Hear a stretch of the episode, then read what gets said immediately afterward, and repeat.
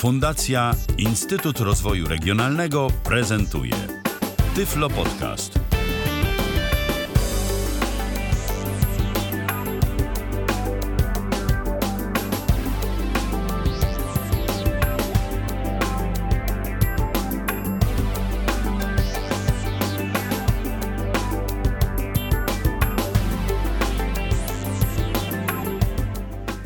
Dobry, w kolejnym odcinku Tyflo Podcastu witam bardzo serdecznie. E, Ala Witek. E, dzisiaj e, porozmawiamy z Państwa i moim gościem Piotrem Witkiem. Witaj Piotrze. Witaj, co dobry wieczór Państwu.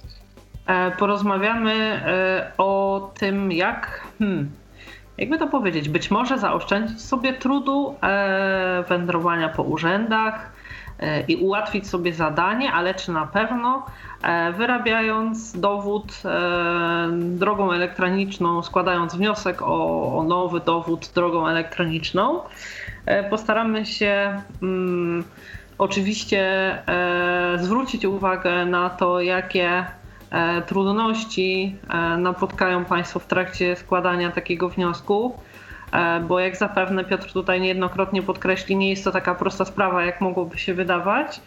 E, natomiast e, tutaj jakby głównie skupimy się na tej formie instruktażowej, no bo generalnie oczywiście wiadomo, że jakieś elementy, które powiedzmy, nie wiem, zaciemniają sprawę, są oczywiście istotne i też e, należy się skupić na tym, jak je rozwiązać.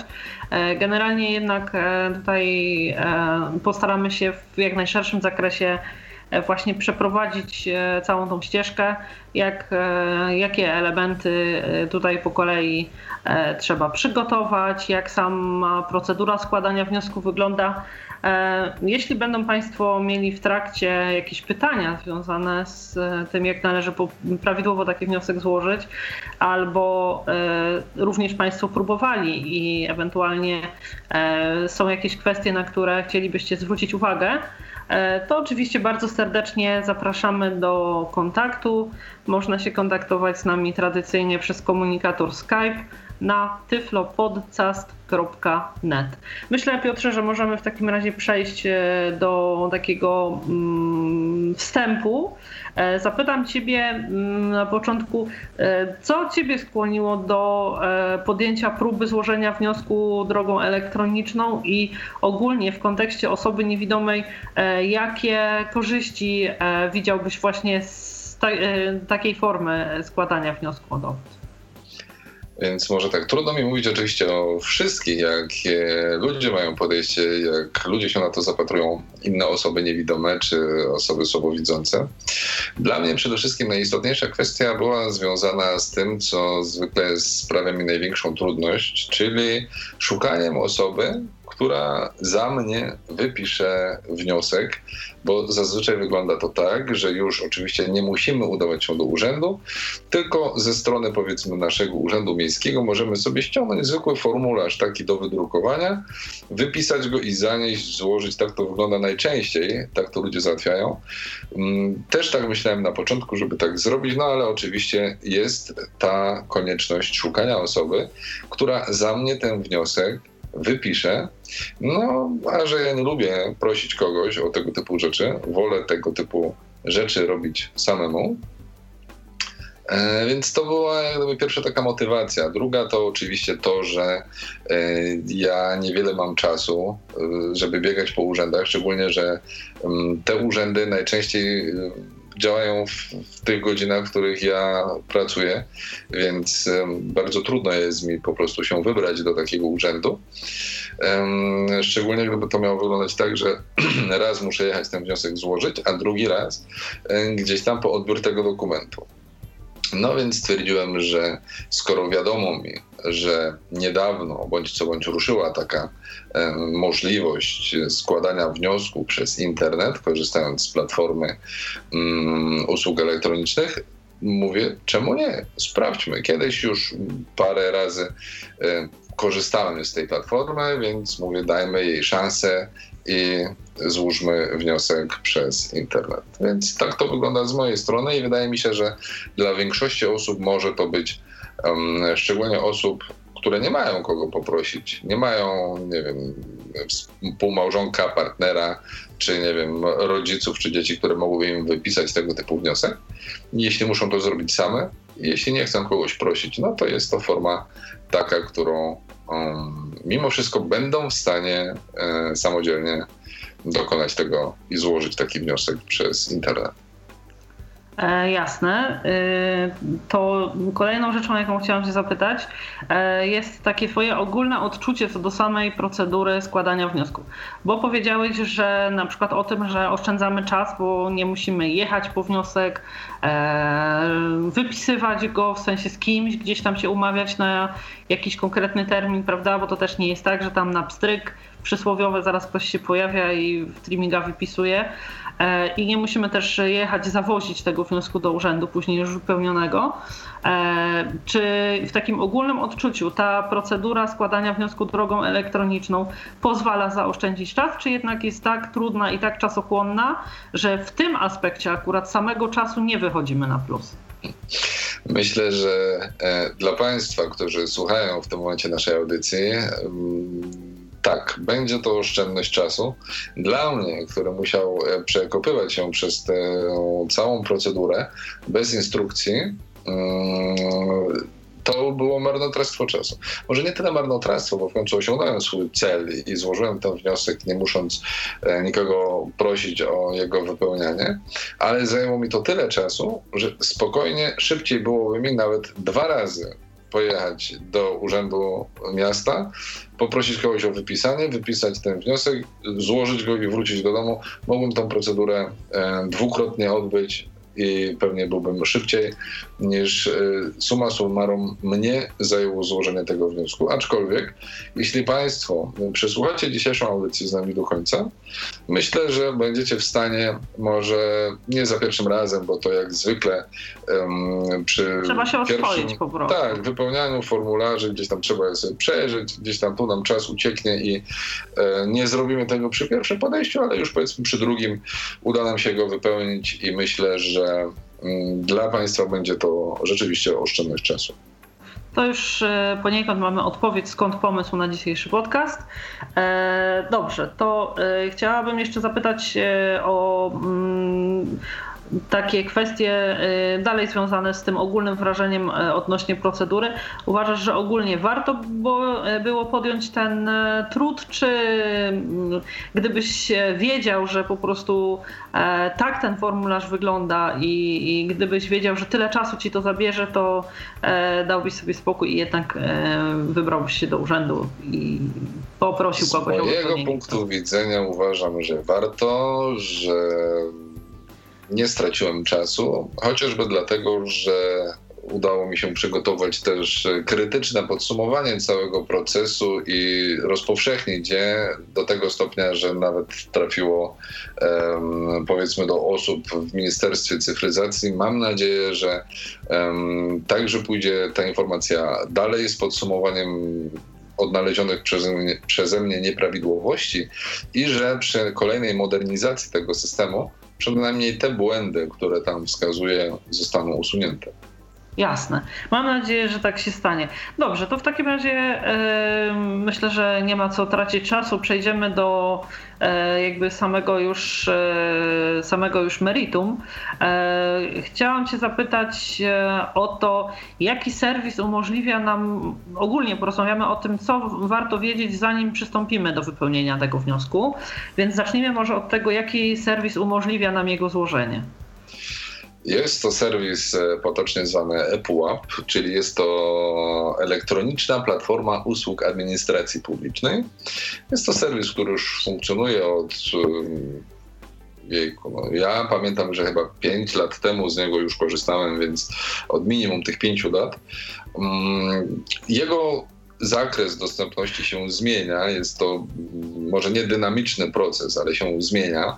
Pamiętam, że kiedyś mogłem, byłem w stanie wykonać tylko takie ogólne operacje w ramach tego portalu. Pamiętam, że jakiś tam wniosek, zapytanie, mm, o dane, o informację publiczną składałem do jednego z ministerstw i wtedy Odbyło się to bez problemu, ale potknąłem się na jakiejś innej operacji, której mi się nie udało zrobić i wtedy się zniechęciłem.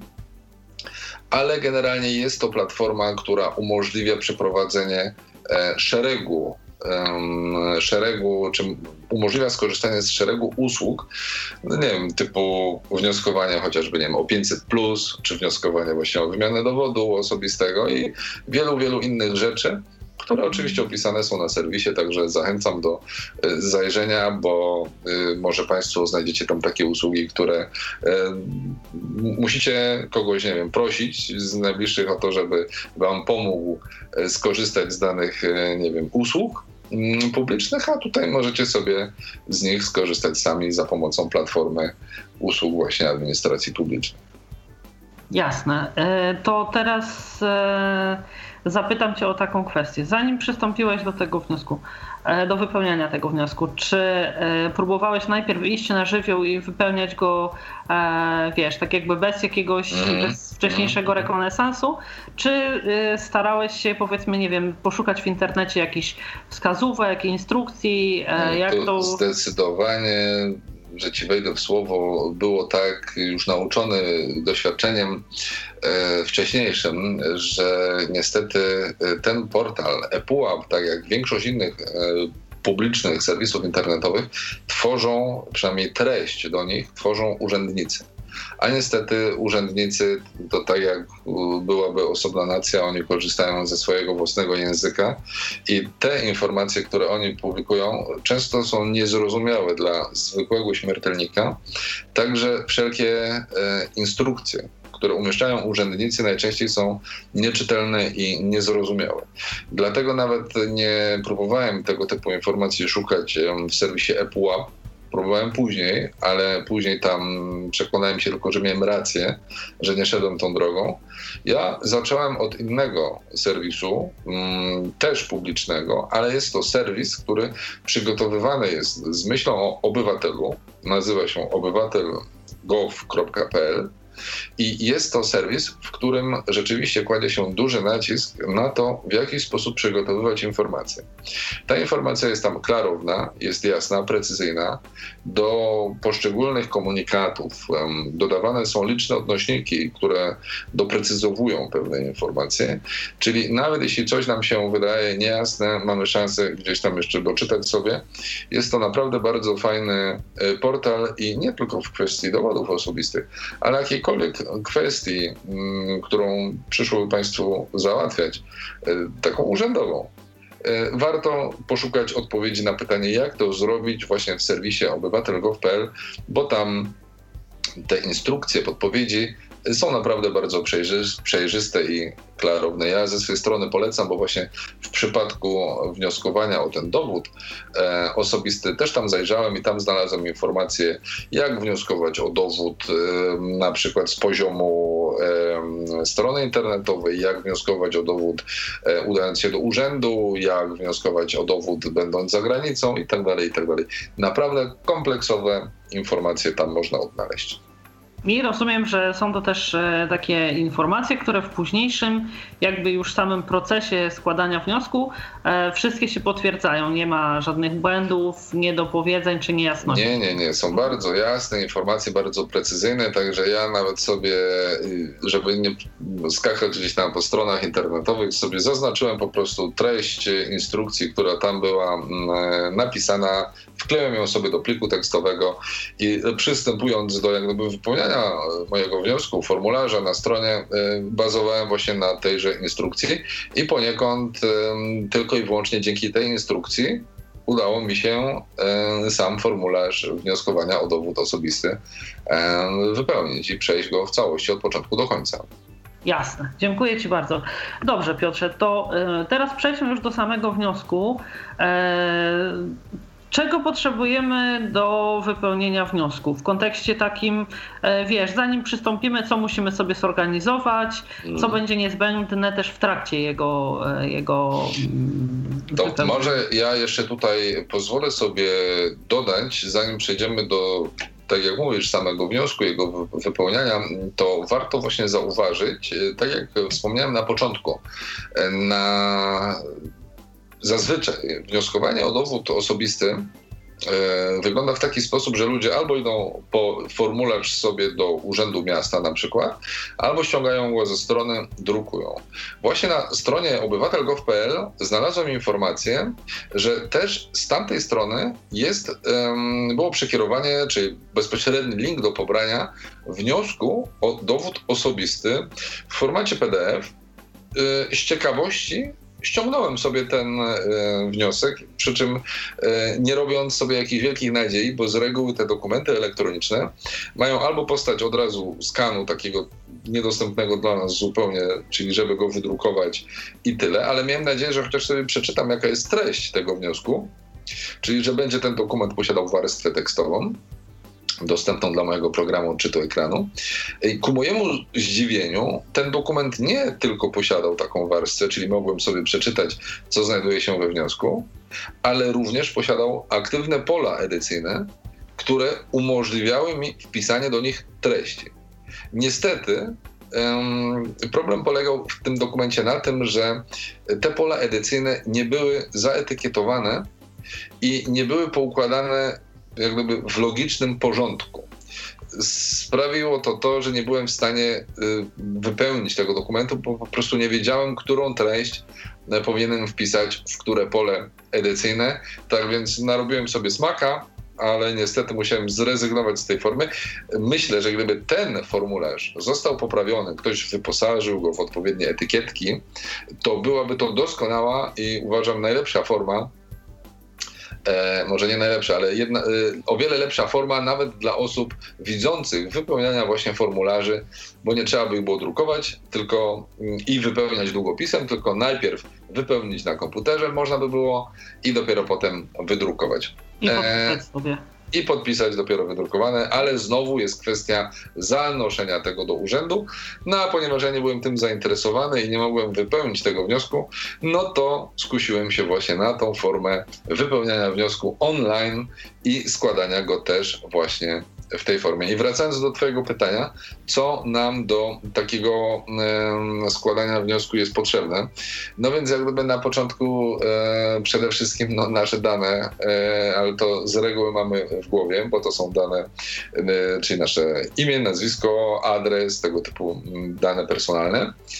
Z jednej strony tak, ale pozwolisz, że ja ci teraz wejdę w słowo, bo tutaj jakby e, też są potrzebne dane takie, które e, mieliśmy w naszym starym dowodzie, prawda? Czy to w jakiejś późniejszej części, bo musimy wpisać, e, jeśli e, tam e, dotyczy, czy tam są rubryki takie na przykład, jeśli e, odnoszące się do poprzedniego dowodu, kto go wydał, kiedy stracił ważność, czy coś takiego, czy, czy nie? Czy tutaj e, e Szczerze mówiąc, nie pamiętam, ale nie wydaje mi się. Nie wydaje mi się o tyle, że mm, w pewnym momencie i tak musimy zaznaczać na przykład z jakiego powodu wymieniamy dowód, więc e, nie przypominam sobie, żeby tam w ogóle było pole do wpisywania na przykład kto dowód wydał, kiedy wydał i do kiedy dowód jest ważny. Tych informacji, o które często prosi nas na przykład bank, czy nie wiem, ktokolwiek, jakiś operator komórkowy, tych danych tam w tym wniosku nie było. Okej, okay, to przepraszam w takim razie, że niepotrzebnie zamieszałam. E, zacząłeś mówić o, o zdjęciu w takim razie. Tutaj e, jaki to jest format, e, jak sobie to wszystko zorganizować? Mhm. E, więc tak, dane potrzebujemy. Kolejna sprawa, jaka, jakie, jaką potrzebujemy bezwzględnie, o czym informuje właśnie portal obywatel.gov.pl, to e, zdjęcie i mamy podane konkretne e, wymogi. Poza tym, że oczywiście w odpowiednim ustawieniu ta fotografia musi być wykonana i o to już musimy zadbać u fotografa oczywiście, to to zdjęcie musi mieć odpowiednie wymiary i odpowiednią wagę, czy wymiary na zasadzie odpowiednią rozdzielczość minimalną i e, maksymalną wielkość w megabajtach tym momencie nie pamiętam tych informacji, one są podane w instrukcji na stronie mm, obywatel.gov.pl. jakie maksymalne wymiary zdjęcia e, mają być, ale powiem Państwu, że w momencie, gdy ja poszedłem do fotografa i e, robiąc zdjęcie poprosiłem właśnie, żeby zrzucił mi to zdjęcie na pendrive'a. Gdy wróciłem do domu i właśnie używałem, chciałem użyć tego zdjęcia, okazało się, że bez najmniejszego problemu nic nie muszę mm, ani zmniejszać, ani w sensie e, zwiększać rozdzielczości, czy, czy, czy zmniejszać wielkości e, samego zdjęcia, bo bez problemu to zdjęcie kwalifikowało się do e, wysłania. Więc to jest druga rzecz. Trzecia rzecz, jaka jest bezwzględnie potrzebna, no to samo konto w mm, portalu ePUA. I takie konto możemy sobie założyć w każdym momencie. I teraz y, do niedawna niestety to konto musieliśmy zweryfikować. W tym momencie możemy e, rozwiązać to w nieco inny sposób, ale może o tym za chwilę. Najważniejsze jest to, że musimy sobie takie konto założyć i to jest jak gdyby pierwszy krok w ogóle na samej e, platformie ePUAP, że zakładamy sobie konto. I druga rzecz to jest e, profil zaufany, który także musimy sobie stworzyć w tym serwisie. I ja już taki profil zaufany posiadałem. E, pamiętałem tylko, że mm, były jakieś terminy ważności. Nie pamiętałem, jak e, długo one trwają, więc poniekąd sobie odświeżyłem ten profil. W tym momencie ten profil zaufany to są 3 lata ważności ma taki profil zaufany i w normalnych warunkach znowu powinno to wyglądać tak, że i tak było do niedawna, że e, drukujemy sobie odpowiednie zaświadczenie, ze strony z tym zaświadczeniem idziemy do Poczekaj Piotrze chwileczkę, urzędu. bo ja tutaj, jeśli pozwolisz, e, chciałabym, żebyś tak e, bardziej kawo na ławnie naszym słuchaczom, którzy nie mieli styczności z, platform, z platformą ePUAP, E, opowiedział troszeczkę e, o tym, czym jest ten profil zaufany, o co tutaj chodzi, tak? Bo sama nazwa e, no, nie jest tak do końca wskazująca, czym też ten profil jest, tak? No, mogę spróbować, aczkolwiek podkreślam, nie jestem tutaj żadnym ekspertem i będę mówił tylko z własnego doświadczenia. Tak, tak. Więc Chodzi o to właśnie, że jak, jak to po prostu wygląda. Z własnego doświadczenia, żeby y, sprawę jak najbardziej uprościć, sam portal ePUAP wymaga utworzenia konta. To jest jak gdyby jedno konto.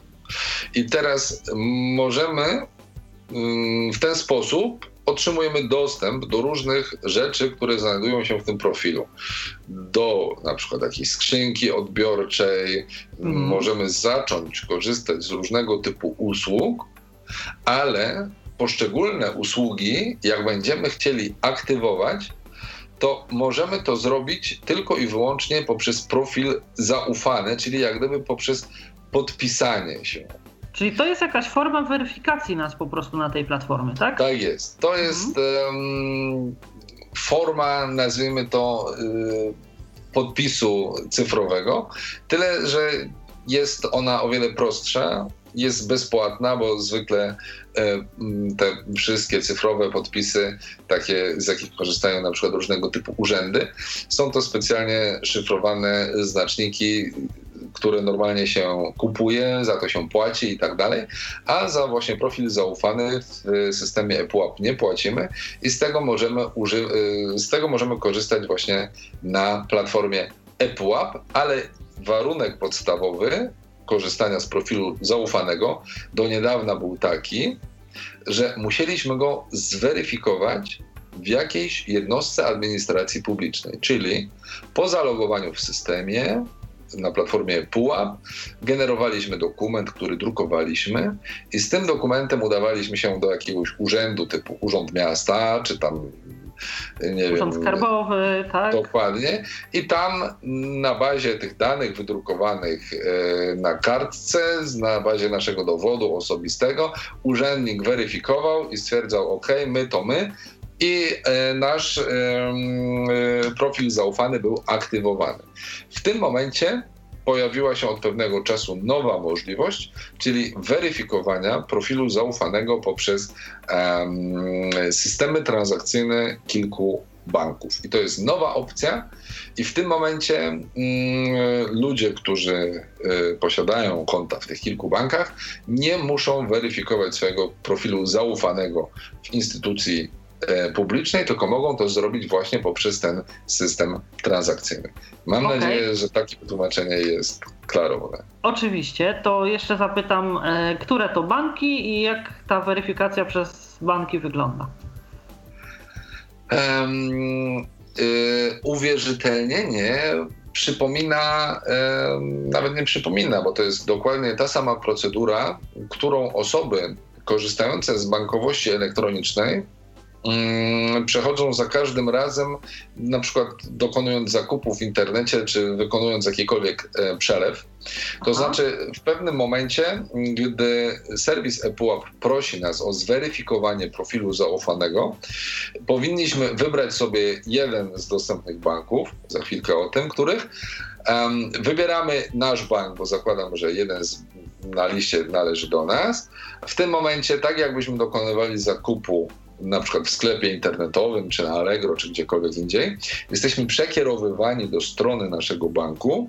Tam jesteśmy proszeni, w zależności od banku, ale zakładam, że o jakiś identyfikator i hasło, albo całe, albo tam wybrane znaki w zależności od banku. W momencie, gdy y, dane się zgadzają, jesteśmy z powrotem przekierowywani do serwisu ePUAP i nasza operacja czy profil zaufany są potwierdzone. I tyle. Także jest to dokładnie ta sama procedura. Oczywiście, jeśli robimy to po raz pierwszy, czy jeśli między tymi operacjami na przykład występuje dzień czy dwa różnice, no to normalnie przychodzi nam tak w przypadku um, przelewu na przykład do nowego kontrahenta um, hasło SMS-owe na przykład, chyba że mamy hasła jednorazowe w banku naszym, to jesteśmy proszeni o wpisanie hasła jednorazowego. Tak jak mówię, wszystko zależy od banku, w którym mamy mm, konto i wtedy po przeprowadzeniu, zaakceptowaniu tej transakcji, po zweryfikowaniu, że my to my, że konto jest nasze, bank wysyła potwierdzenie do ePUAP-u, że yy, my to my i ePUAP stwierdza OK, jeśli ty to ty, no to dalej możesz działać już pod swoim imieniem i nazwiskiem.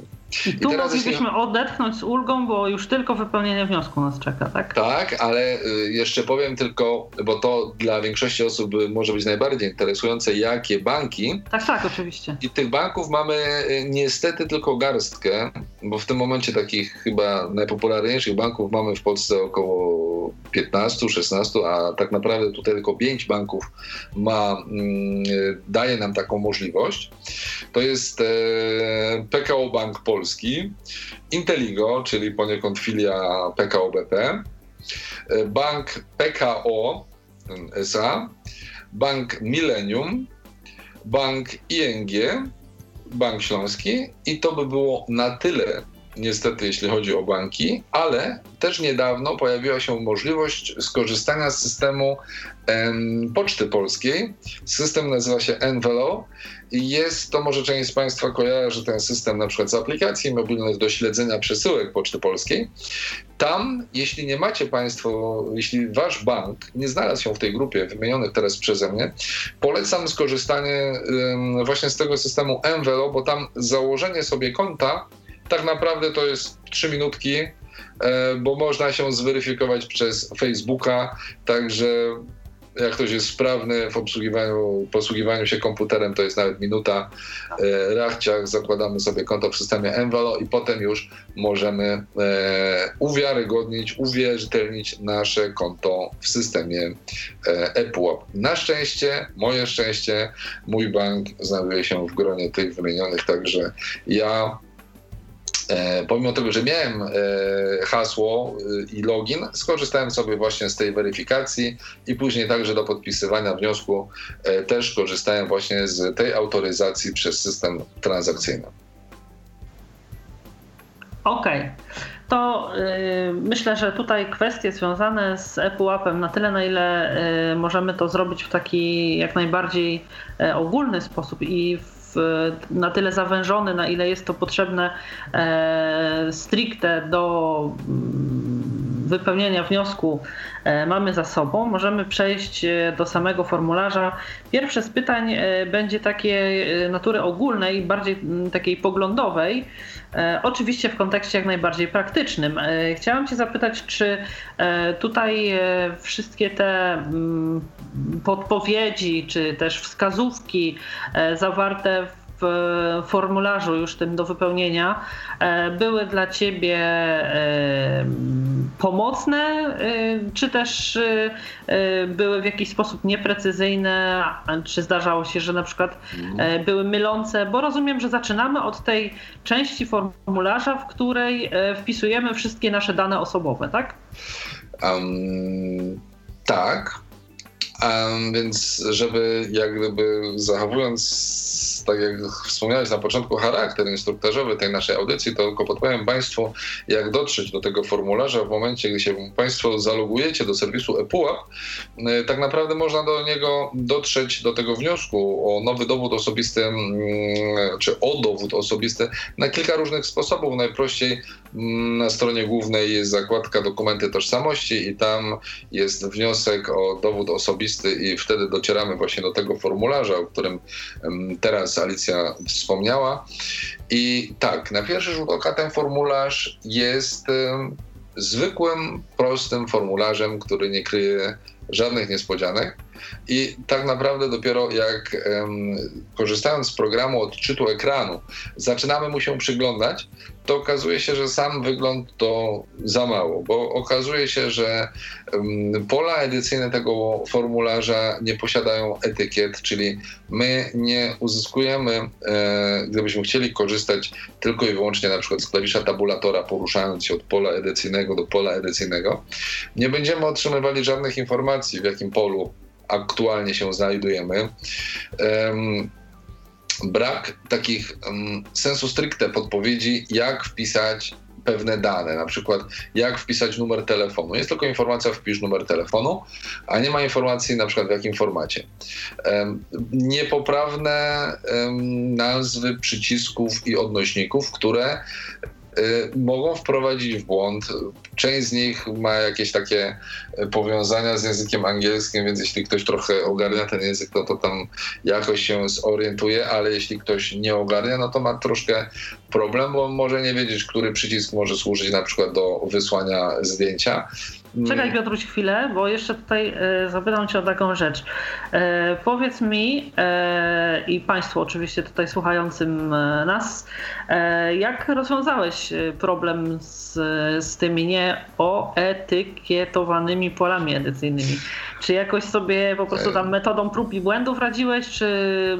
Tak naprawdę rozwiązałem ten problem przez przypadek i działało to w ten sposób, że mm, bo y, była taka sytuacja, y, szczególnie w jednym miejscu, gdzie naprawdę ja jednak dość dużo formularzy w internecie wypełniam, ale naprawdę żywcem nie wiedziałem, co e, powinienem wpisać, bo mm, tuż obok siebie znalazły się dwa pola.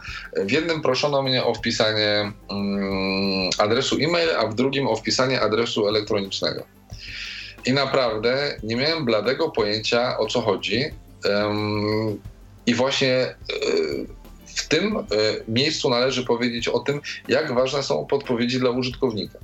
Bo to, co pytasz, ja tak naprawdę, co tam należy wpisać, zorientowałem się dopiero w momencie, gdy udało mi się wniosek wysłać, czy przejść do kolejnego etapu, do etapu weryfikacji. I dopiero tam, przy tym polu edycyjnym, e, obok pola z informacją adres elektroniczny pojawiło się wyjaśnienie, e, że chodzi o adres elektroniczny skrzynki odbiorczej w systemie ePUAP. Gdybym no to, ja to, to wiedział... jest po prostu zupełnie niewiarygodne, że w momencie, kiedy są weryfikowane dane dopiero są informacje jakieś, czy polecenia, czy wskazówki odnośnie tego, co powinno być w te pola wpisane. Tak jest, to jest zupełnie inne. To już rozumiem, dlaczego mówiłeś, że Państwo za drugim razem po prostu świetnie sobie poradzą z wypełnieniem. Tak jest. Tak jest, bo dopiero w momencie, gdy się okaże, że dopiero weryfikując ten wniosek, macie Państwo szansę przekonać się, co wpisaliście źle i może nie tyle co, ale dlaczego. Bo coś, Jednym wcześniej... słowem, w pierwszej wersji formularza wpisują Państwo, co chcą. E, dopiero po tak. weryfikacji e, będziecie już wiedzieli, co tak naprawdę powinno być wpisane, tak? W konkretne pole. Tak, trochę tak. Co więcej, teraz ten wniosek, o którym zapytałeś mnie, czy to otwieram go i tak sobie zaczynam wpisywać. Część komunikatów jest taka właśnie ewidentnie pisana przez osobę, która nie ma pojęcia na temat e, pracy czy funkcjonowania osób niewidomych i ich programów. Czyli na przykład pierwszy właśnie na to zwróciłem uwagę, że pierwszy komunikat na stronie jest e, komunikatem, który prosi nas o wpisanie konkretnej informacji. Tam chodziło o, e, jeśli dobrze pamiętam, dane adresowe urzędu, w którym będziemy chcieli składać wniosek Mhm. I y, ta informacja była na takiej zasadzie, że proszę informację wpisać poniżej. Tyle, że tam jeszcze między tym de facto poniżej, tym polem edycyjnym, a tą informacją proszę wpisać poniżej, było ileś tam kolejnych elementów, które na ekranie wyświetlają się po, po, stronie prawej, ale dla programu odczytu ekranu one są jak gdyby w następnej kolejności. I to było już dla mnie dezorientujące, mhm.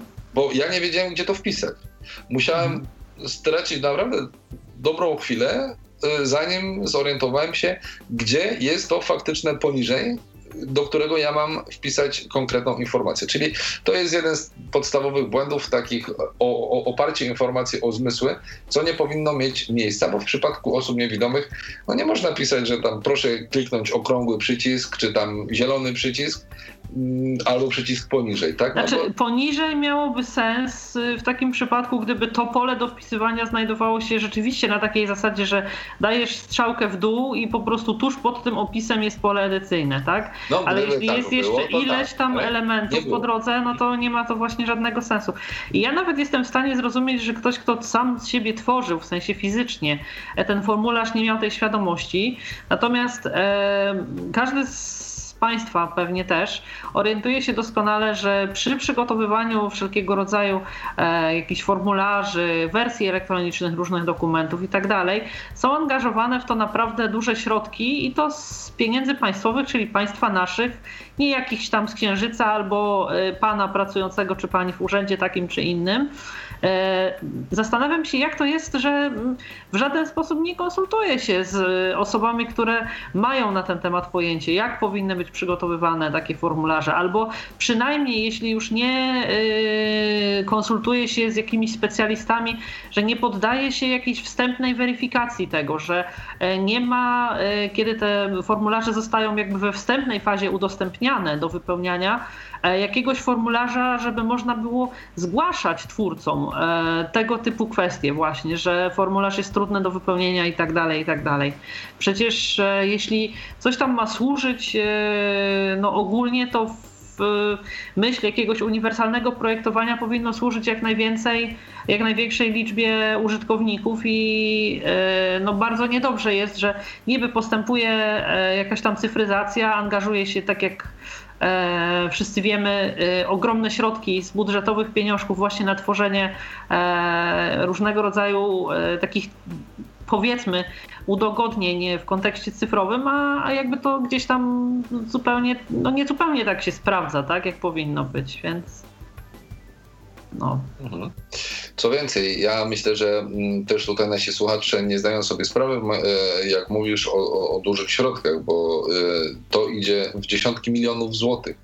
I to nie jest kwestia tam 50 czy 100 tysięcy złotych na, na serwis internetowy czy tego typu platformę, tylko to są naprawdę dziesiątki, a czasami setki milionów. Um, I to są tego typu um, rzędu wartości ogromne niewyobrażalne wręcz i jak dla mnie, tak jak słusznie zauważyłaś, niewyobrażalne jest to, że przy tak ogromnym budżecie nie znaleziono tak naprawdę tych paru tysięcy złotych dla jednej czy drugiej firmy, która profesjonalnie przeanalizowałaby to i po, y, poinstruowała, jak należałoby to zaprojektować w sposób uniwersalny. Co więcej, e, wiem, ja wiem przynajmniej o dwóch e, raportach takich składanych przez organizacje pozarządowe e, na ręce przedstawicieli Ministerstwa Cyfryzacji, um, które mówiły właśnie o niedostępności y, platformy usług elektronicznych. Tak jak wspomniałem, proces udostępniania tego serwisu, on jakoś tam postępuje, że tam coraz więcej rzeczy jest dostępnych, ale na pewno nie w takim tempie, żeby zasłużyć na informację, jaka znajduje się na stronach tego serwisu, czyli że serwis jest w pełni dostępny dla osób niepełnosprawnych i, i spełnia wytyczne e, międzynarodowego standardu dostępności WCAG 2.0 i to na poziomie podwójnego A. Do, sam wiem po sobie, sam to odczułem nieraz, że jeszcze temu serwisowi jest daleko do tego, aby spełniać te wymogi dostępności. Jasne. To y, myślę, że tutaj pozwoliliśmy sobie w y, tak, dygresjach na, na, na takie. Dygresje. Tak, dalece to, idące dygresje, ale. Zamykając ten tak?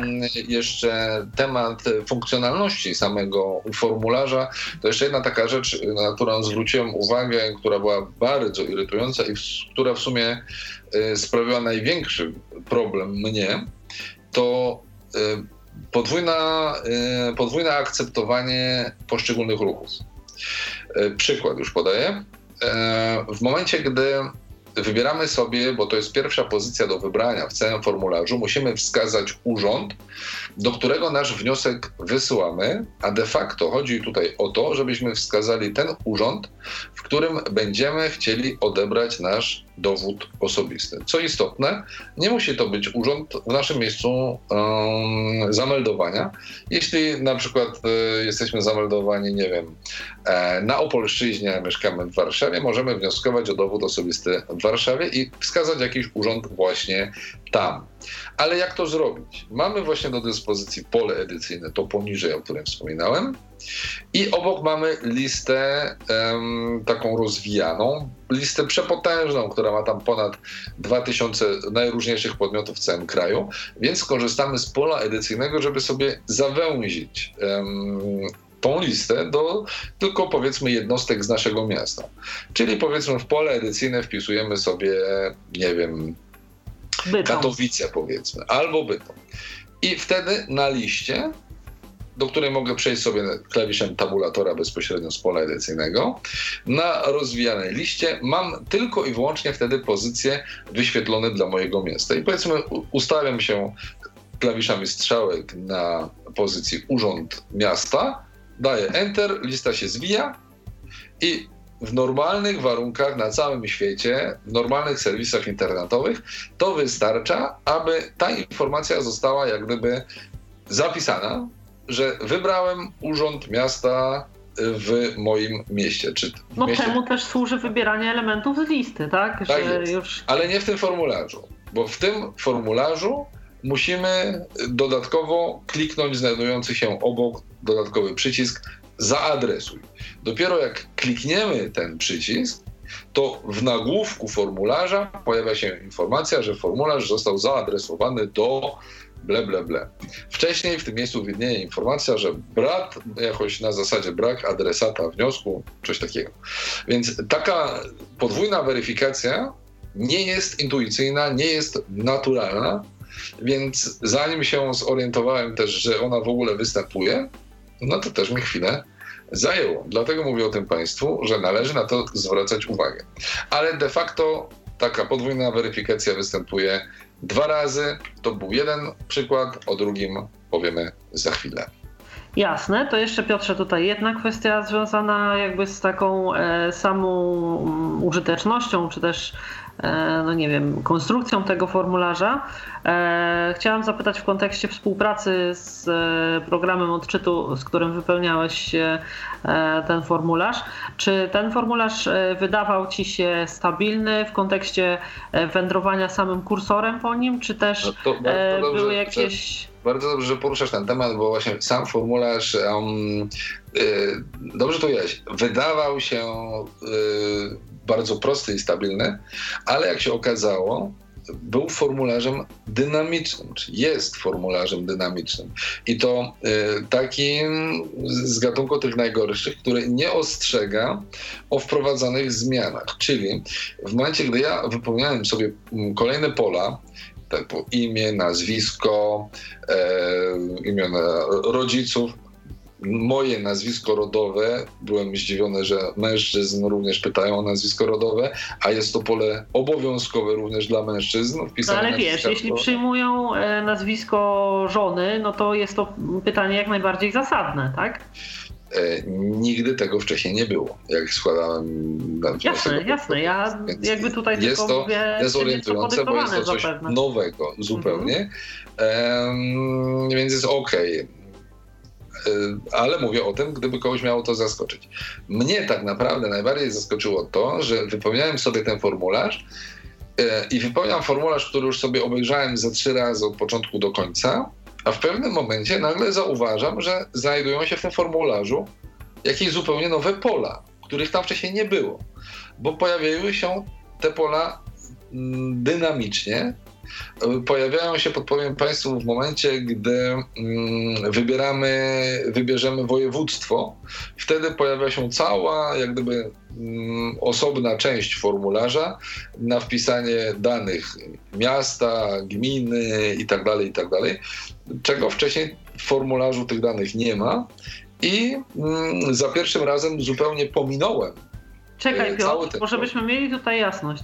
E, czy ta lista dodatkowa, dynamiczna, e, dotyczy wyboru województwa w momencie, kiedy podajemy nie, dane odnośnie naszego zamieszkania, poczekaj, czy też adresowania miejsca, do którego składasz wniosek na dowód?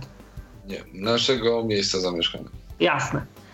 I w momencie, gdy wybierzemy województwo, przechodzimy dalej, jak gdyby między. W momencie, gdy schodzimy z pola województwo, wchodzimy, pamiętam jak dziś, na pole właśnie to, o którym już wspominałem, czyli ten adres elektroniczny. I nie mamy żadnej informacji, że jak miniemy pole województwo, yy, pojawia się tam cały nowy blok, który wymaga nowych danych, nie jesteśmy o tym informowani w żaden sposób. A powiedz mi, e, bo ty chodziłeś po tym formularzu, że tak powiem, w tej z powrotem, też go troszeczkę testowałeś, więc masz jakby inną perspektywę.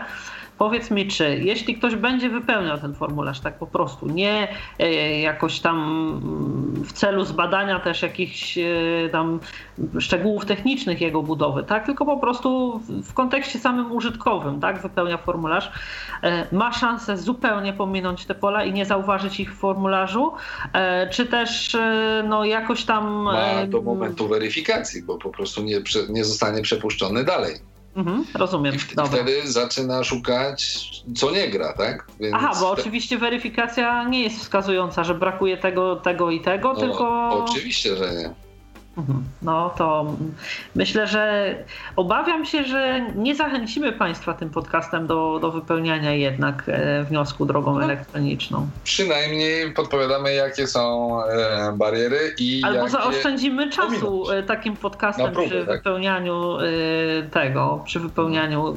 Ktoś stwierdzi, że szkoda czasu i lepiej znaczy, iść jednak. Rozwiązanie w tym momencie jest po prostu po wypełnieniu danych tego ustawieniu województwa, przejściu tabulatorem na pole ten adres elektroniczny, po prostu cofnąć się, shift tabulator i wtedy już mamy rozwinięty ten formularz dynamiczny i tam możemy na spokojnie powpisywać wszystkie dane.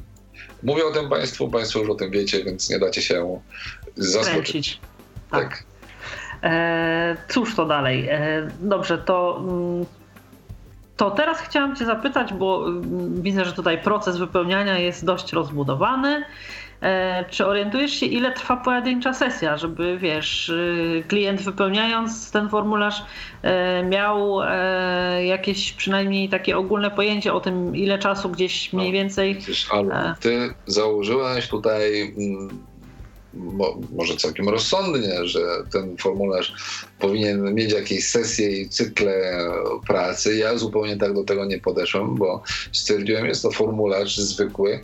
Um, i już. Nawet mi do głowy nie przyszło, że tam są jakieś sesje jak w banku, a okazuje się, że to ty masz rację, bo sesje trwają i tu nie mam pewności. Wydaje mi się, że około 15 minut, ale nie ma żadnego mechanizmu, który by nas informował o tym fakcie, że czas upływa tej sesji. Czyli mm, jeśli nie uwiniemy się w te 15 minut, no to dochodzimy Cała do robota na marne, dalej, a tam hyc wyskakuje nam komunikat, no sorry, tam jesteś za wolny, tak? Czyli zaczynamy No i wychodzi od... komunikat, no sorry, bo z tego, co, o czym rozmawialiśmy przed e, tym e, podcastem, to też e, mimo, że jakby, jakby dokumenty związane z administracją polską, platforma jak najbardziej polska, komunikaty, które tam natrafiamy myszą, przynajmniej w momencie, kiedy komunikat się pojawia, pojawiają się w e, języku angielskim, tak? O tym, no, żeby tak, tak, tutaj chyba należy wnioskować, że tak ustawodawca czy urzędnik pomyślał, że jesteśmy tacy że powieje wielkim światem i tak. jesteśmy tak, ogarniamy i każdy zna po pięć języków i jest mu obojętne w jakim języku będzie otrzymywał komunikaty. No niestety, y, gdzieś u góry okna jest też wersja, pojawia się polska tego komunikatu, ale rzeczywiście w momencie, gdy korzystamy z programu odczytu ekranu, to jak gdyby, e, gdy minie nam sesja i spróbujemy wysłać dokument, no to po prostu program odczytu ekranu informuje nas po angielsku, że niestety, ale e, czas minął i zaczynamy od nowa zabawę. W sensie od nowa, że musimy po prostu ponownie się zalogować i tak dalej i przejść całą sesję. I zapewniam Państwa, nie jest to formularz od nowa, tak? Tak jest. Mhm. Dobra, to e, myślę, że tutaj e, reasumując kwestie związane z e, wypełnianiem formularza, zaczynamy od wpisywania danych osobowych, zwracamy uwagę na przycisk zaadresuj przy... Dobrze? Że, że Dobrze. Ja.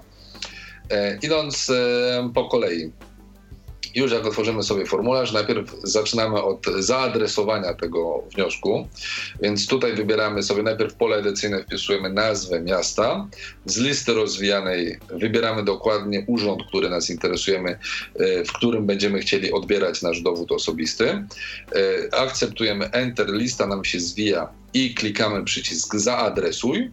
Dopiero w tym momencie przechodzimy do pól edycyjnych, gdzie wpisujemy imię, nazwisko, wszystkie te nasze dane. Dochodzimy do województwa, które sobie wybieramy. Klawiszem tabulatora przechodzimy dalej do kolejnego pola. Cofamy się, shift tabulator, wpisujemy dane typu miasto, powiat, gmina, ulica, adres już nasz zamieszkania. E, idziemy dalej, właśnie wpisujemy e, adres elektroniczny, czyli to mm, adres skrzynki naszej w serwisie, którego mamy, ale to ja go nie wpisałem, bo go nie znałem wtedy. Numer telefonu, wpisujemy adres poczty elektronicznej i w tym momencie to są wszystkie dane, które wpisujemy do formularza, czyli jak już Państwo wiecie, jak to jest e, raz, dwa, trzy, szybciutko i dochodzimy do y, załącznika, czyli do wysyłania zdjęcia do tego wniosku, które musimy właśnie dołączyć, żeby złożyć cały wniosek. Okej, okay, to teraz porozmawiamy o tym ważnym elemencie, jakim jest dodanie zdjęcia, bo niewątpliwie stanowi ono ważną część dokumentu, który ma nam zostać ostatecznie ma być nam wydany. E, jak wygląda sama procedura dodawania tego zdjęcia? Czy to się pojawia jakiś osobny formularz, osobne okno? E, czy otrzymujesz jakieś komunikaty wspierające, instrukcje odnośnie tego, jak powinieneś to zdjęcie dodać?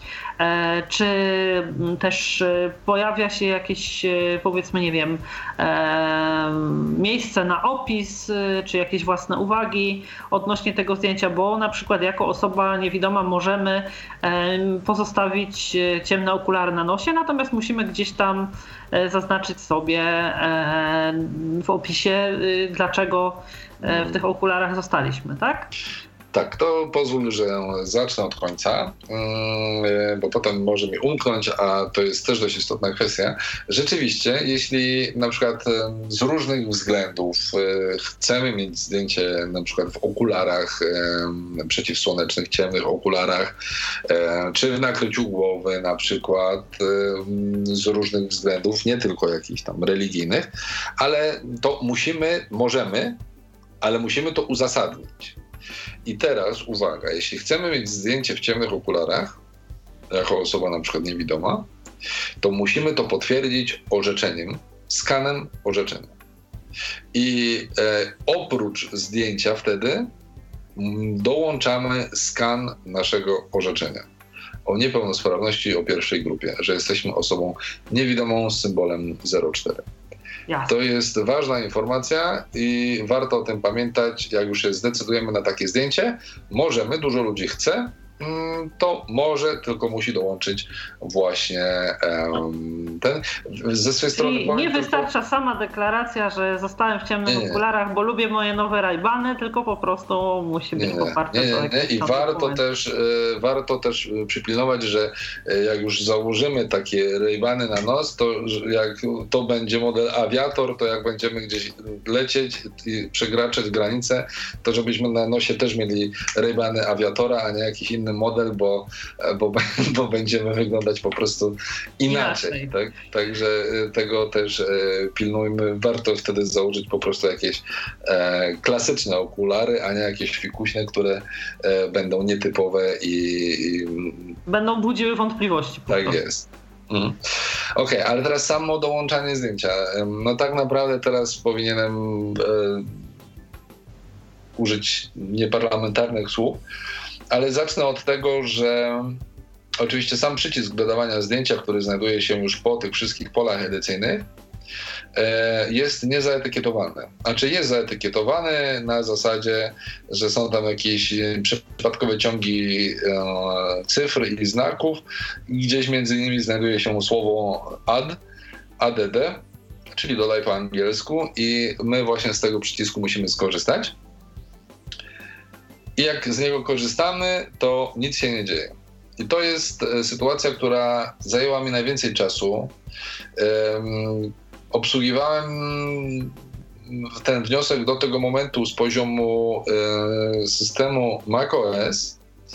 Um, po jakiejś godzinie prób i błędów e, przesiadłem się na drugi system Windows i też mniej więcej godzinę zajęło mi, zanim w końcu zrozumiałem o co chodzi. Więc aby nie wchodzić w szczegóły, nie nakręcać siebie samego, powiem Państwu o co chodzi. W momencie, gdy klikamy w ten przycisk mm, Add, żeby dodać nasze zdjęcie, program odczytu ekranu nie reaguje w żaden sposób, e, ale u dołu ekranu otwiera się okno modalne. Dodatkowe okno w przeglądarce, do którego musimy przenieść fokus naszego programu odczytu ekranu. Wydaje mi się, że akurat NVDA na Windows przechodzi do tego mm, pola, do tego okna modalnego, ale bardzo łatwo z niego wyskakuje. Jak ruszymy się tabulatorem nie w tą stronę, co e, przewidział sobie twórca, no to wyskoczymy z tego pola modalnego, okna modalnego i jest potem bardzo trudno do niego dotrzeć.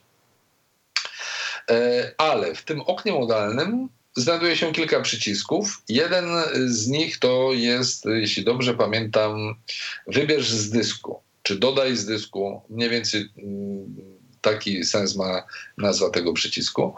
Dopiero jak klikniemy w ten przycisk, uruchamiana jest, uruchamiany jest kreator pobierania, który też jest aplikacją webową, czyli internetową, i nasza przeglądarka domyślnie go blokuje. Nieważne, czy to jest Firefox, Chrome czy Internet Explorer, musimy zezwolić e, naszej przeglądarce, żeby mm, mm, mogła uruchomić ten kreator pobierania.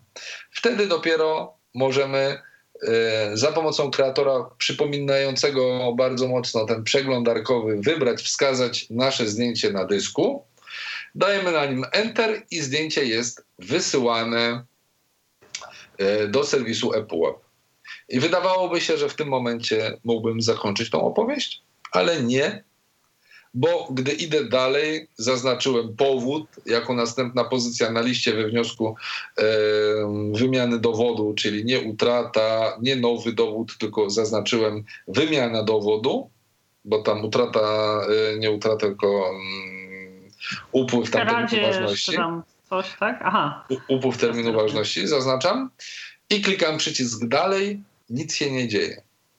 Poczekaj, poczekaj chwilę, bo jeszcze tutaj w momencie, kiedy jest e, wybór tego powodu wymiany e, dowodu osobistego, e, nasuwa się w sposób oczywisty taka refleksja, dlaczego ktoś po prostu nie zaczął od tego, że na początek zaznacza się powód, jeśli wszystkie dane nie ulegają zmianie, tak? Pozostaje ten sam adres zameldowania i tak dalej, i tak dalej to dlaczego nie jest tylko jakąś opcją do zaznaczenia e, dane jakieś tam zmienione, dane bez zmian i przy danych, danych zmienionych otwierałby się formularz do wypełnienia, a przy danych bez zmian wystarczyłoby tylko dodać zdjęcie i ewentualnie zaadresować ten dokument właśnie do odpowiedniej jednostki administracyjnej. Przecież ile to zaoszczędziłoby i y, przeglądania nam i wypełniania tego formularza i później urzędnikowi. On po prostu dostawałby tylko informację, że wszystko jest tak, jak było w poprzednim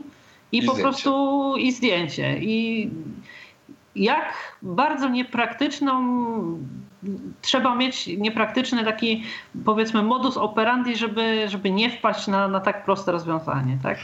No, więc sam też zachodziłem w głowę i to było też jedno z pytań kierowanych do twórców tego serwisu, czemu tak, a nie inaczej. No jest to nielogiczne ze wszechmiar, no ale tu już nic, nic nie poradzimy, możemy tylko się zastanawiać i stukać się w czoło.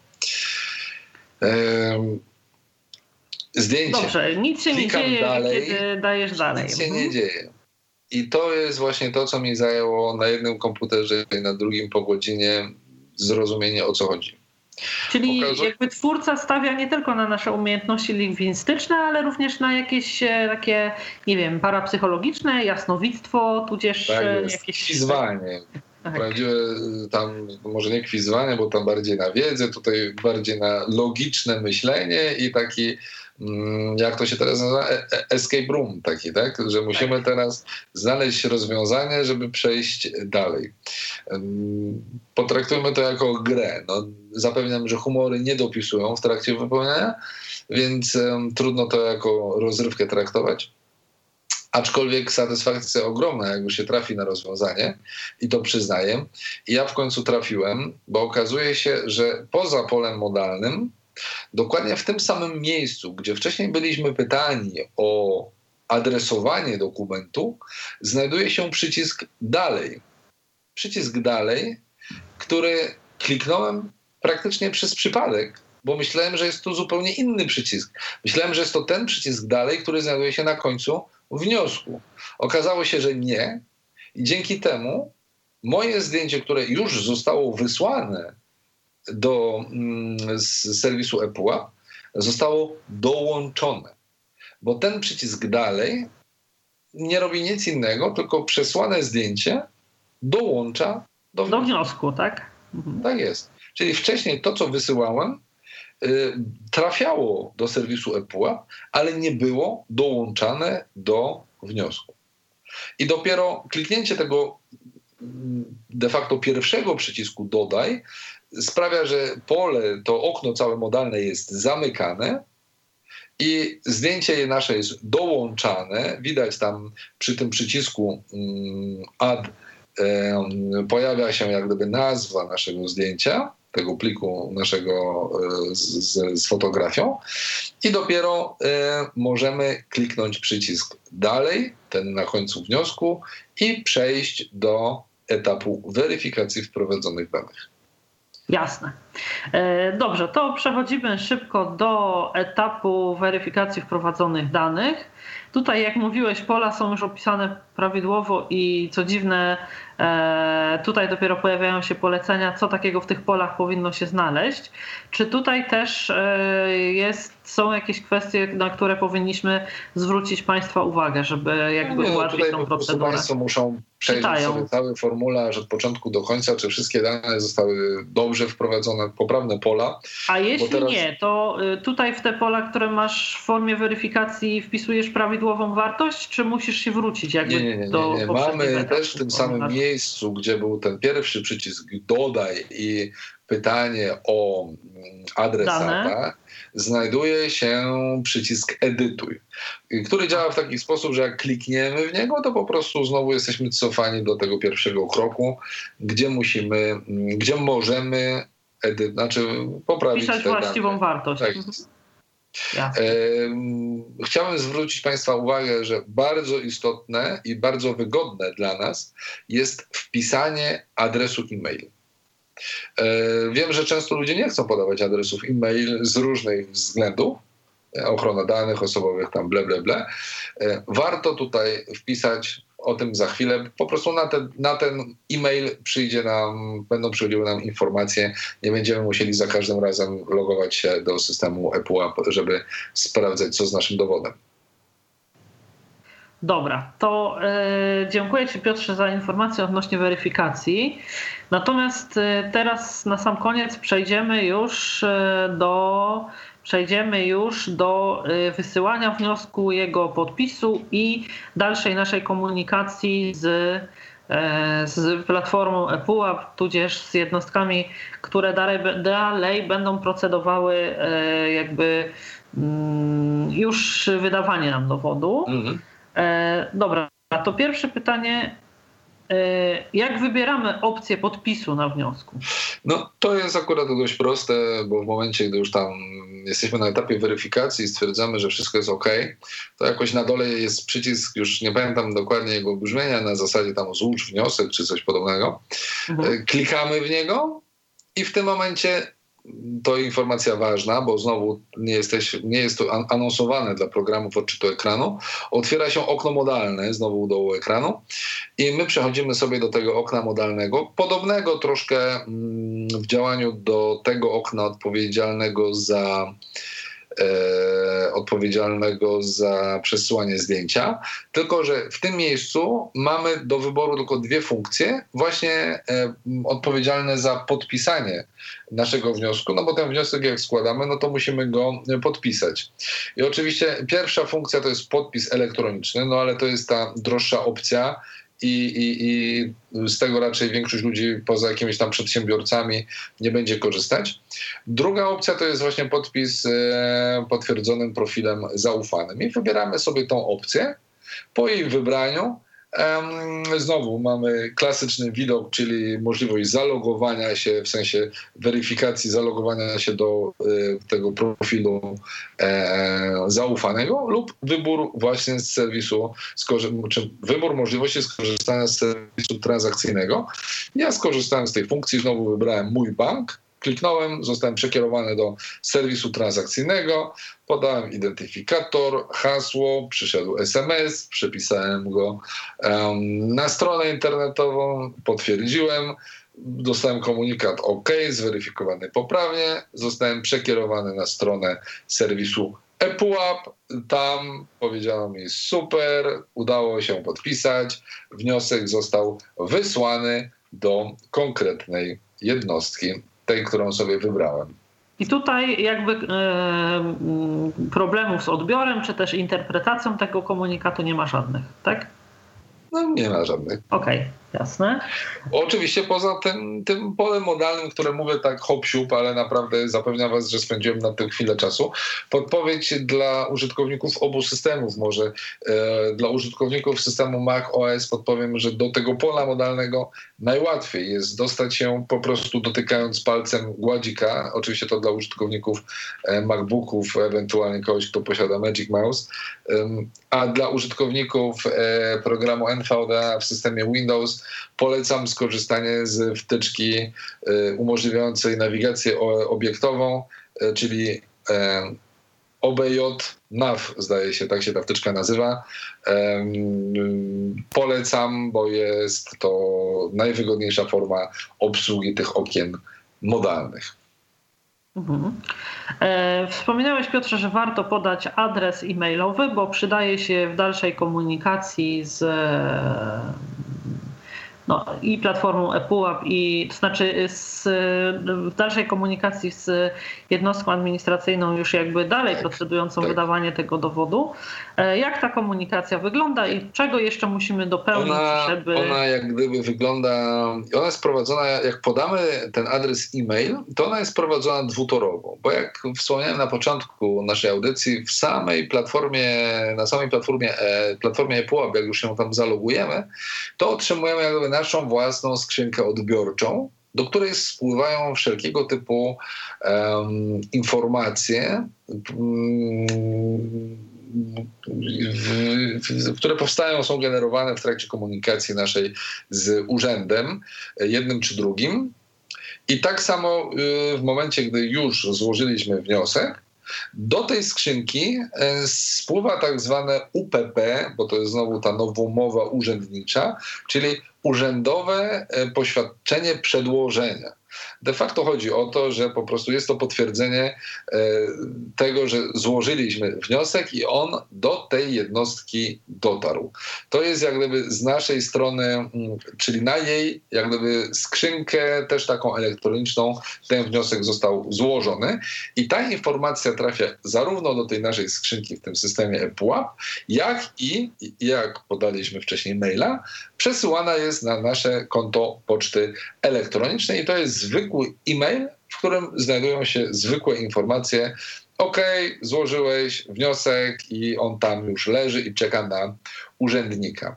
E, później, jak gdyby ta biurokratyczna maszyna zaczyna tam mielić, tak? Nasz wniosek trafia w jej żarna i w moim wypadku po trzech dniach otrzymałem e, UPD. Jeśli dobrze pamiętam, to było e, urzędowe poświadczenie doręczenia. Czyli to była taka wrotka, takie potwierdzenie ze strony mojego urzędu, bo tam wreszcie jakiś urzędnik w to kliknął po trzech dniach roboczych, że okej, okay, myśmy to przyjęli, przejrzeli, wszystkie dane się zgadzają, przyjmujemy to do realizacji, ale ja to dostałem na maila w formie informacji UPD czeka na ciebie na skrzynce odbiorczej ePUAP-u. Ja musiałem tam wejść i wtedy jestem znowu proszony o zalogowanie się i o weryfikację znowu za pomocą albo profilu zaufanego, albo, z czego znowu skorzystałem, tego systemu transakcyjnego mojego banku. Dlaczego? Bo to już jest dokument urzędowy, tak jakbyśmy otrzymali awizo od listonosza, czyli takie pokwitowanie na zasadzie potwierdzam odbiór. Dlaczego to jest ważne? To jest ważne o tyle, że urząd, przepraszam, urząd w tym urzędowym poświadczeniu mm, doręczenia